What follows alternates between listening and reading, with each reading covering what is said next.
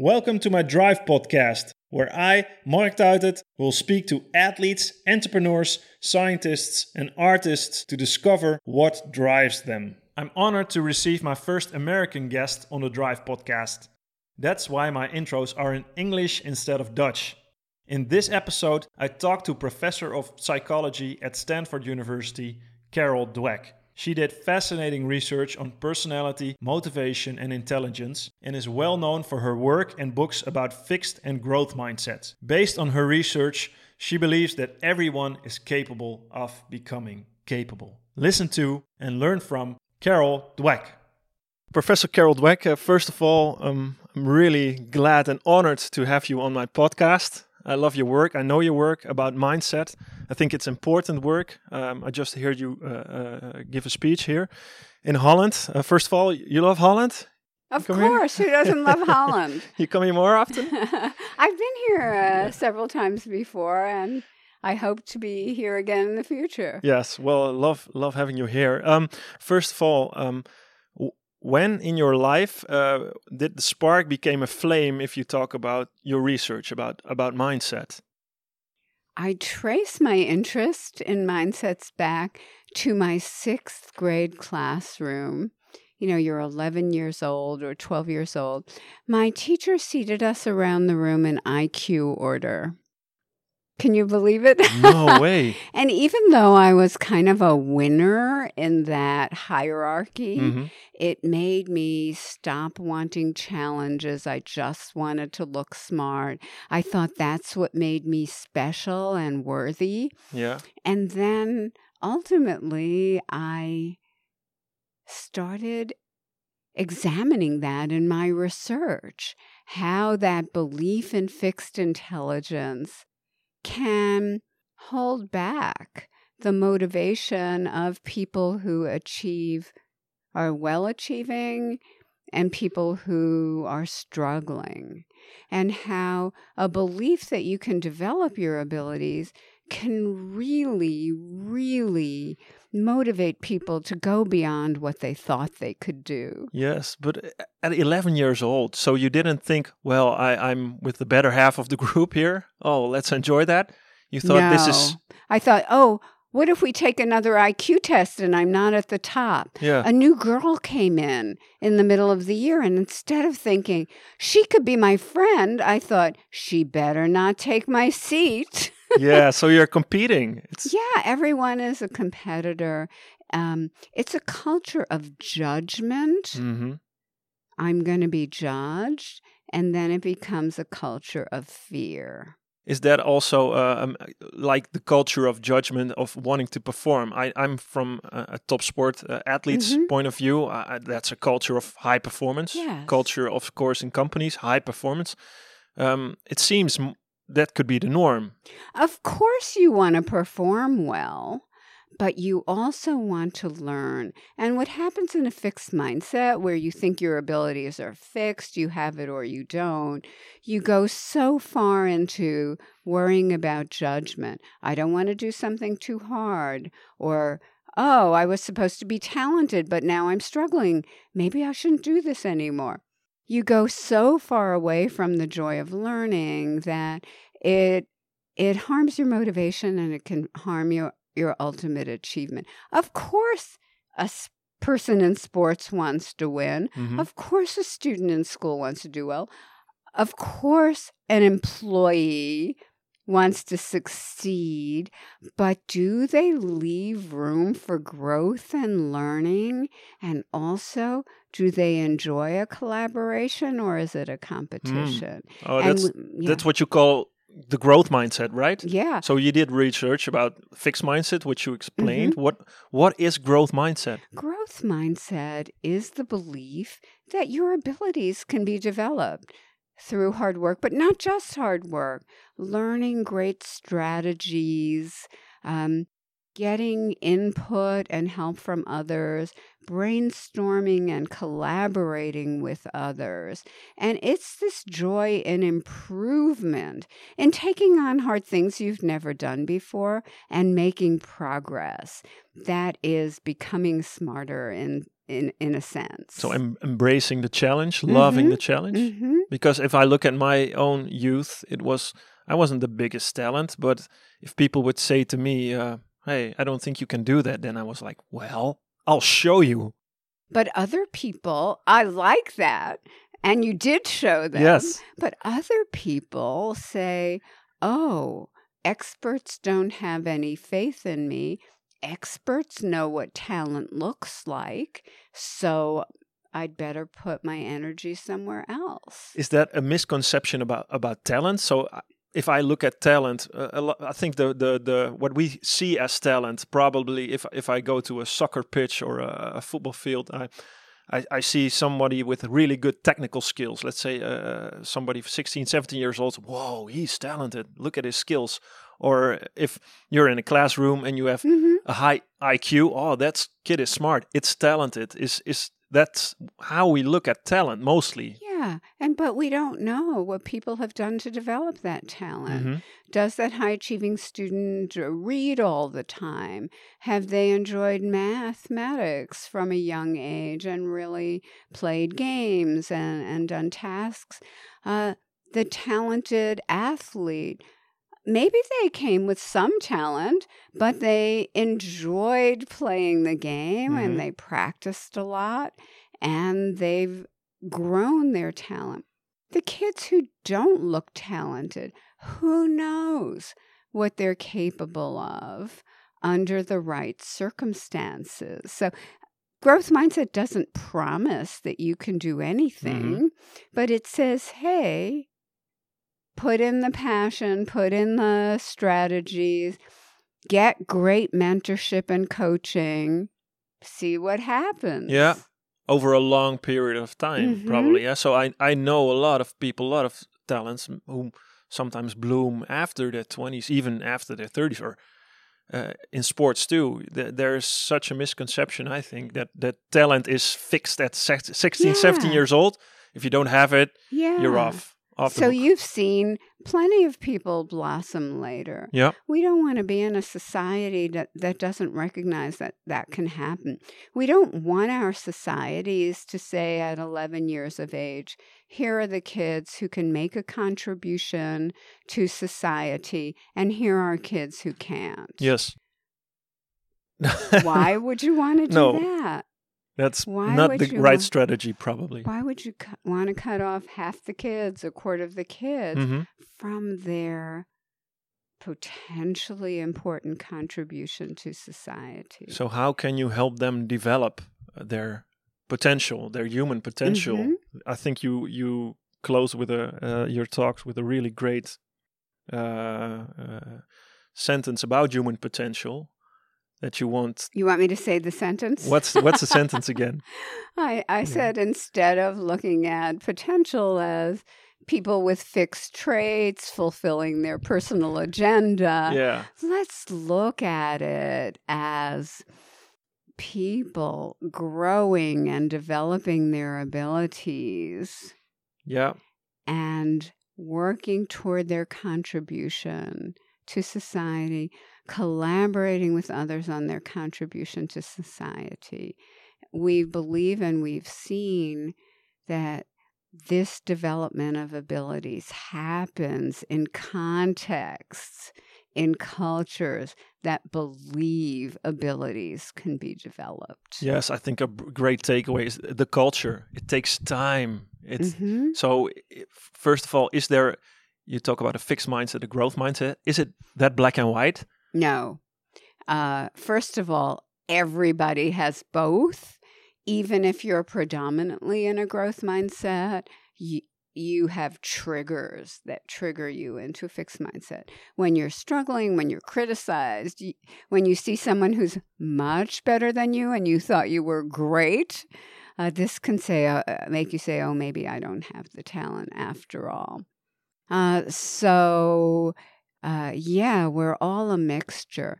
And also, it's not just an individual thing that lives in an individual person's head. Mindsets can be embedded in classroom culture, organizational cultures, and societies. Is is there a belief that all people can develop? Mm-hmm. And again, we're not promising to what Mhm. level. Uh, are there resources for people to develop? Are there opportunities for people to develop? That's a central role, huh? If you believe you can develop, because I think in your research, uh, what you showed is, if you, uh, well, you you probably can explain this better than I can, but Go ahead. that that if you if you have uh, uh, if you if you let children um, know that if you give it instill them the belief like read a news article that you can develop you can Mhm. grow they will grow if they have the belief next to the control group that doesn't Yeah. have that belief So it's not as easy as just reading an article. We worked uh, several years to create this short program. But when kids deeply believe they are capable of growth through hard work, good strategies, support, and mentoring from others, they take challenges, they stick to them. And when you do that, you learn more. as to kids who don't Mhm. in, are not instilled with that belief they give up more easy more easily. more easily. But again, we find you can instill a growth mindset in kids, but if their peers Yes. don't approve of working hard in school, you can't risk that. no Or if their teachers have um, all kinds of fixed mindset practices, then they can't necessarily maintain that growth mindset. So it's a combination of what children believe and what the context they're in support. All right. So it's it's um it's a, a misconception that growth mind is said is just work hard, work harder. Total misconception.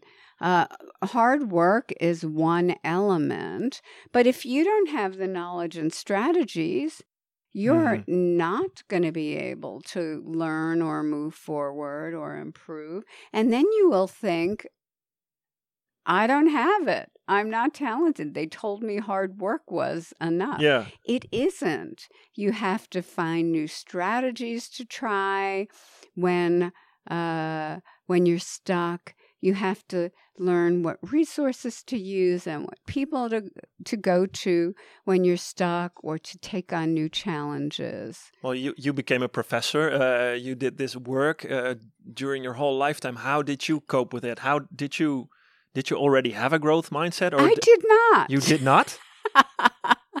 I did not have, I had some, you know, we were a mixture. But when I started being a professor, I didn't really like to work that hard. Now I work all the time. But at that point, um, when I was a young professor, I passed uh, the psychology building late at night and I saw some lights on in other professors' offices. And I thought, oh, they must not be as smart as I am if they have to work all night. Uh, so I did not. And uh, I didn't uh, take on the hardest challenges that I could. And um, I didn't want to show my papers to people in advance. I didn't seek all kinds of criticism and feedback. But through my work, I developed more of a growth mindset. And now, Yes. Um, or was it the other way around? So you through your work, you think, hey, this strategies, this works. But yeah. am I am, am, I doing this? I, Am I living the growth mindset? Am Yeah. I walking the talk? Yeah. So did you do? Did you? What did you do to to embrace criticism? Uh, Yeah, so at first I pushed myself. I pushed myself to do harder things. I pushed myself to seek feedback. Um, how did you do that? Do you have some examples?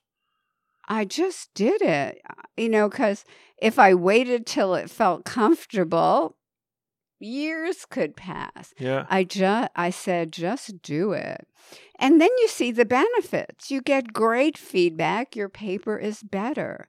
You take on the challenge. It works great. It doesn't work. It didn't kill you. Yeah. But you have, I think, you have to go through some pain or through some s- struggle with it, right? Absolutely. It doesn't feel. change. Change is uncomfortable, especially when you've succeeded in the old system. Yeah. Yeah, because you had, well, I'm I'm successful. Um I'm I'm kind of happy. Yeah. It's all good. Mhm, So mhm. why should I? Yeah, what's the payoff? But there's a big payoff. I I might not have written my book Mindset Yeah. if I wasn't up for a challenge. Academics were not writing books for the general public much at that Mhm. point. It was a risk. But it was a risk that I was excited to take. So you were before you were not actually taking in your or, or expanding your whole human potential. That's you were right. holding back. That's right. Cool. Yeah. So it has is isn't doesn't this have something to do with also with risk and taking risk and safety because safety and comfort is of course it's a human condition that hmm we all kind of want and we want Yes. to we want to feel the safety of home the safety of work uh, recognition for the work we do versus the risk that will take us maybe further but can also well not kill us maybe Yeah. hopefully but What's fascinating to me about humans is we like safety, but we're also born for growth yeah how do we and combine that exploration. And the problem is when growth and exploration and risk, reasonable risk, yes starts to feel unsafe. Why are we bringing safety into that? It's not like life and death in the jungle Mm. but it feels in a fixed mindset like life and death, psychological life Yes. and death. So let's keep separate safety, physical. Let's make our kids, our employees, our athletes feel safe, taking risks, making mistakes, and growing. Yeah, it's funny you say that life and death because w- when I was at the Olympics, it felt for me like life and death, a life and death high risk situation, which Mhm. got the best of me out of that moment. But but to get there, you need a, a baseline of safety and with- growth. and growth and the right Yes. people around you, the culture. Yes. Yeah. So so if you if you want to get it all out, take take the risks. You have to be you have to first create Yeah. the environment Yeah. to to really perform Yeah. well. And then in the Olympic heat, give it everything yeah. like a life and death situation. Yes. But as you say, in between times, growth, growth, growth. Yes, but is there a time in your life where you would think, well, I'm I'm busy with the growth mindset. I'm ambitious. It's too much. Let let let let go of it. Is there a Is there a balance? Growth, yes. Growth mindset doesn't mean you have to be pushing yourself every moment Mhm, or you have to grow in every possible area. mhm. It should be exciting. It should be in line with the goals that you value, not just pushing, pushing, pushing. Because you can do that in a fixed mindset where, again, everything feels like life and death. Gotta have it, gotta have it, gotta succeed. So how do we? Um, do you have some strategy or uh, maybe even tactics about for for us to become self-aware when we're in a growth or s- or a a fixed mindset? Like like you said, the recognition that the self-awareness is Mhm. a big factor. Yes. So, based on work by my colleague in Australia, Susan Mackey, uh, first of all, we know now that everyone has fixed mindset triggers. hmm People have to figure out when they start worrying about do I have it, do I not have it? Yes. Is it when you're faced with a challenge, when you're struggling, when someone's better than you? You figure out when is it that you start thinking maybe they have the talent I don't? Mhm. When do you start wanting to look good in a way that curtails your learning? But is that's also part of the human condition? Can you be self-aware of that? Can you? How can you do this? Yeah. Or Get together with other people and talk about your triggers. You're not the only one. no, no. Is that the honesty you need from the people around you Yeah. who can yeah. who can point out the Yeah. point out these triggers? Yeah.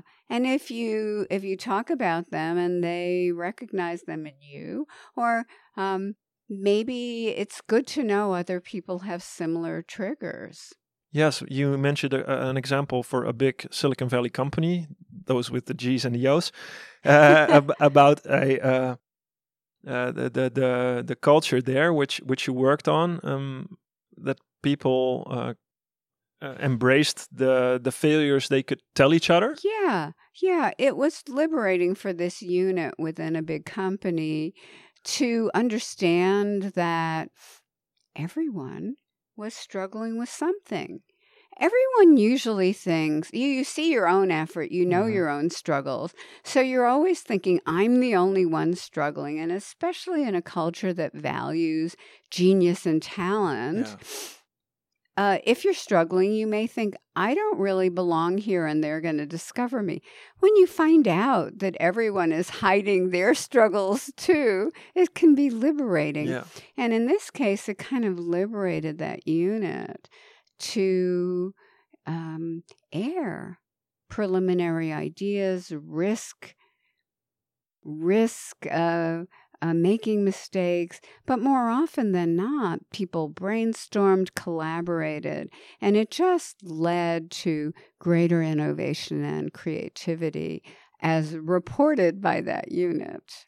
Yeah, yeah, I can. uh, I, from an athlete standpoint, in a high performance uh, surroundings, I think that this is a what what athletes don't do because you have to keep up. Huh? You, you're it's a life or death situation out there, so Yeah. you're the the the tough guy or girl. Invincible, I'm invincible. exactly. Nobody can touch me. Yeah. So you have a lot of athletes after their career, and you hear them about their struggles, uh, the depression. Uh, I'm alone Yes. because they, yeah, they keep it for themselves. That facade, but there are times you don't believe it, right? Yeah, You don't believe you're necessarily invincible. Of course not. Of course, deep within inside, you know, if you're out there, you know, it's scary. It's really scary. But if everyone shares their terror Yeah. uh, as normal in that high pressure Mm-hmm. situation, it can be liberating. yes, that would be a good takeaway, I think, for a lot of Mhm. athletes and sports teams in particular. I know, but also, of course, company life. If you can share the challenges, the struggles that liberates you, and you can even become more effective. hmm Yeah, so I teach at a university that um, admits four and a half, four and three quarter percent of the students who apply. Yeah, So they show Stanford, up. right? Yes, Yes. and they're terrified. They're excited, but they're terrified. What if I fail? Yeah, I'm not going to be the smartest one here as I was in high Mhm. school. Uh, what if I'm a loser? Uh, it's like they're terrified. And I go around the room every few weeks. What are they struggling with? They are shocked that everyone is struggling. And I have to tell you of this young man in one of my seminars um, one year who didn't like himself at all. He was a fantastic kid, but he actually disliked himself.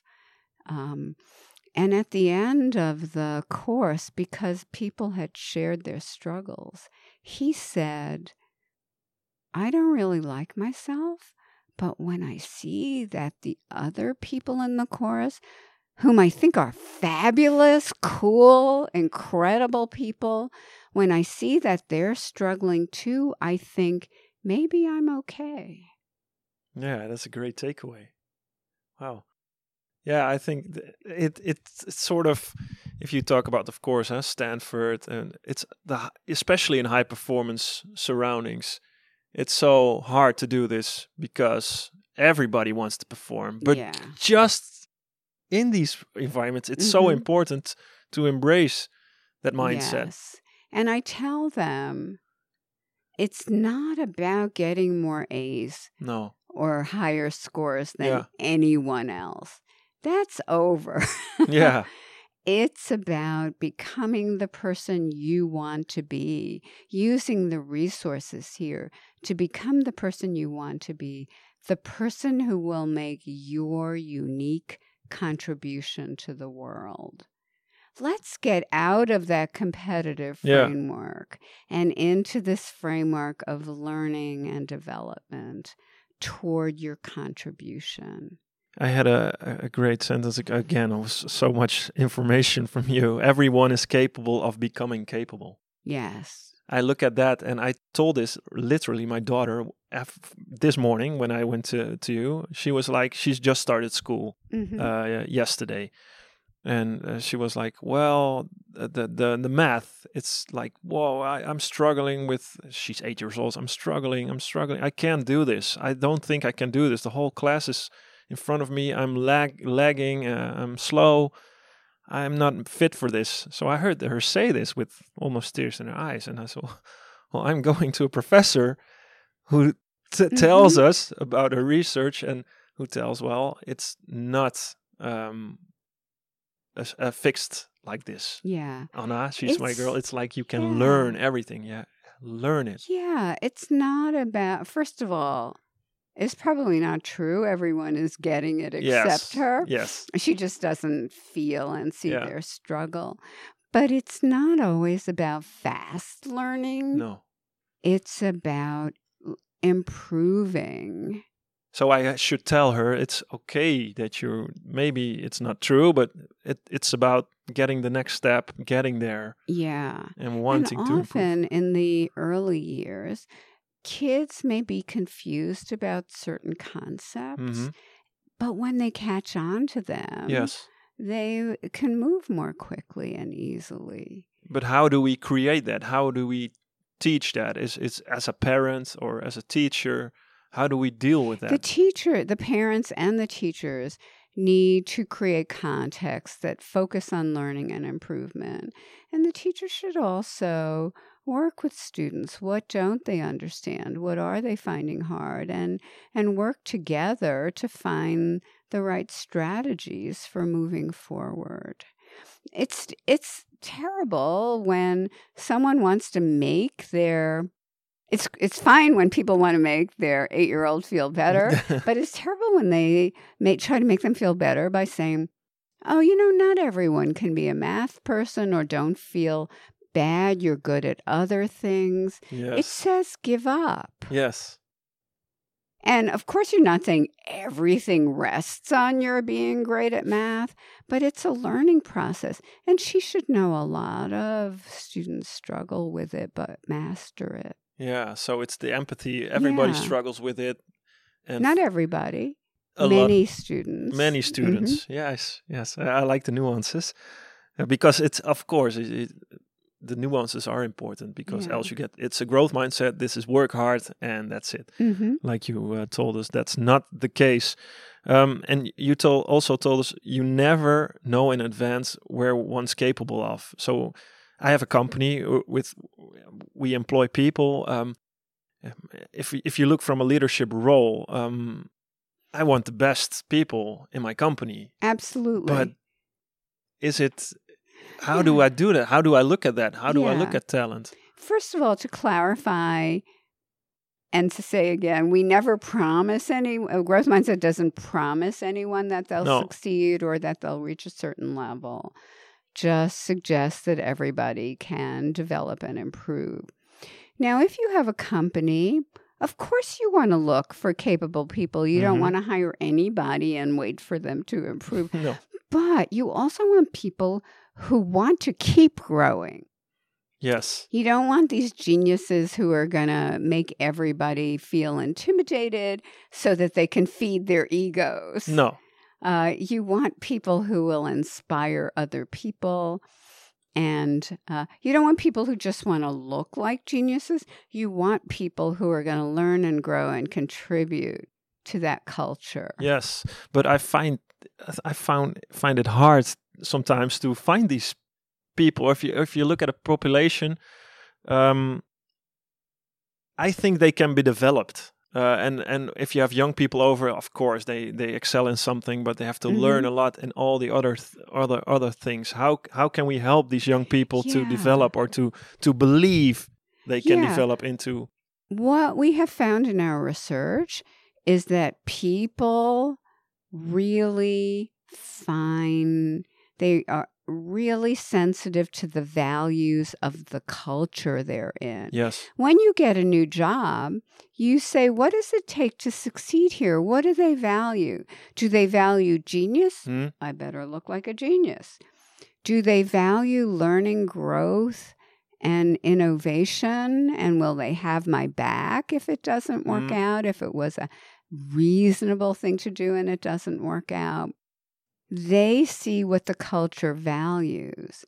Um, am I getting promoted or um, uh, uh, positive evaluation, not just for big success, but also for taking on challenges, for growing, for mentoring others, for being a team player Yes. and supporting others.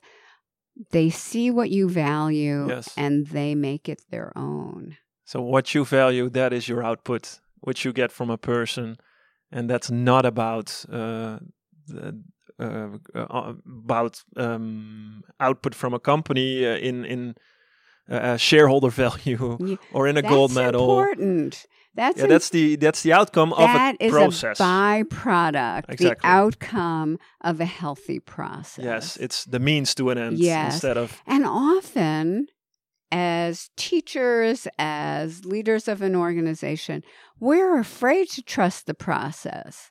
We often want to Mm. just Results. focus on the results.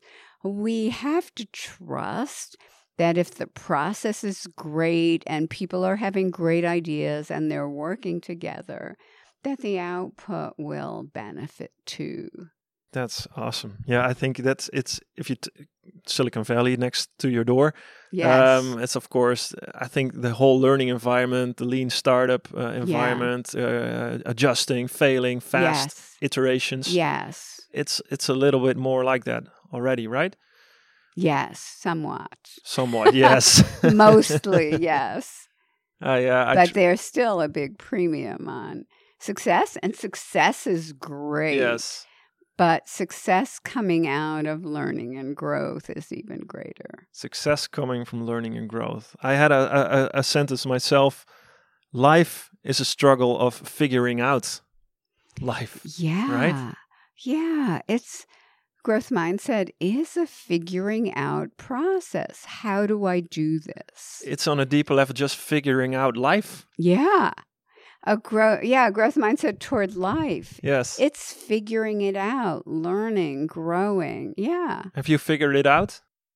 I'm a work in progress, aren't you? I am. I am. I think it never ends, right? Yeah, it never ends. Thank you very much for your time. You're so welcome. Thanks for listening to my Drive podcast. If you want to listen to more episodes, make sure you subscribe on iTunes, Spotify, or you can find me on firstenergygum.com within the media menu. Thank you for listening.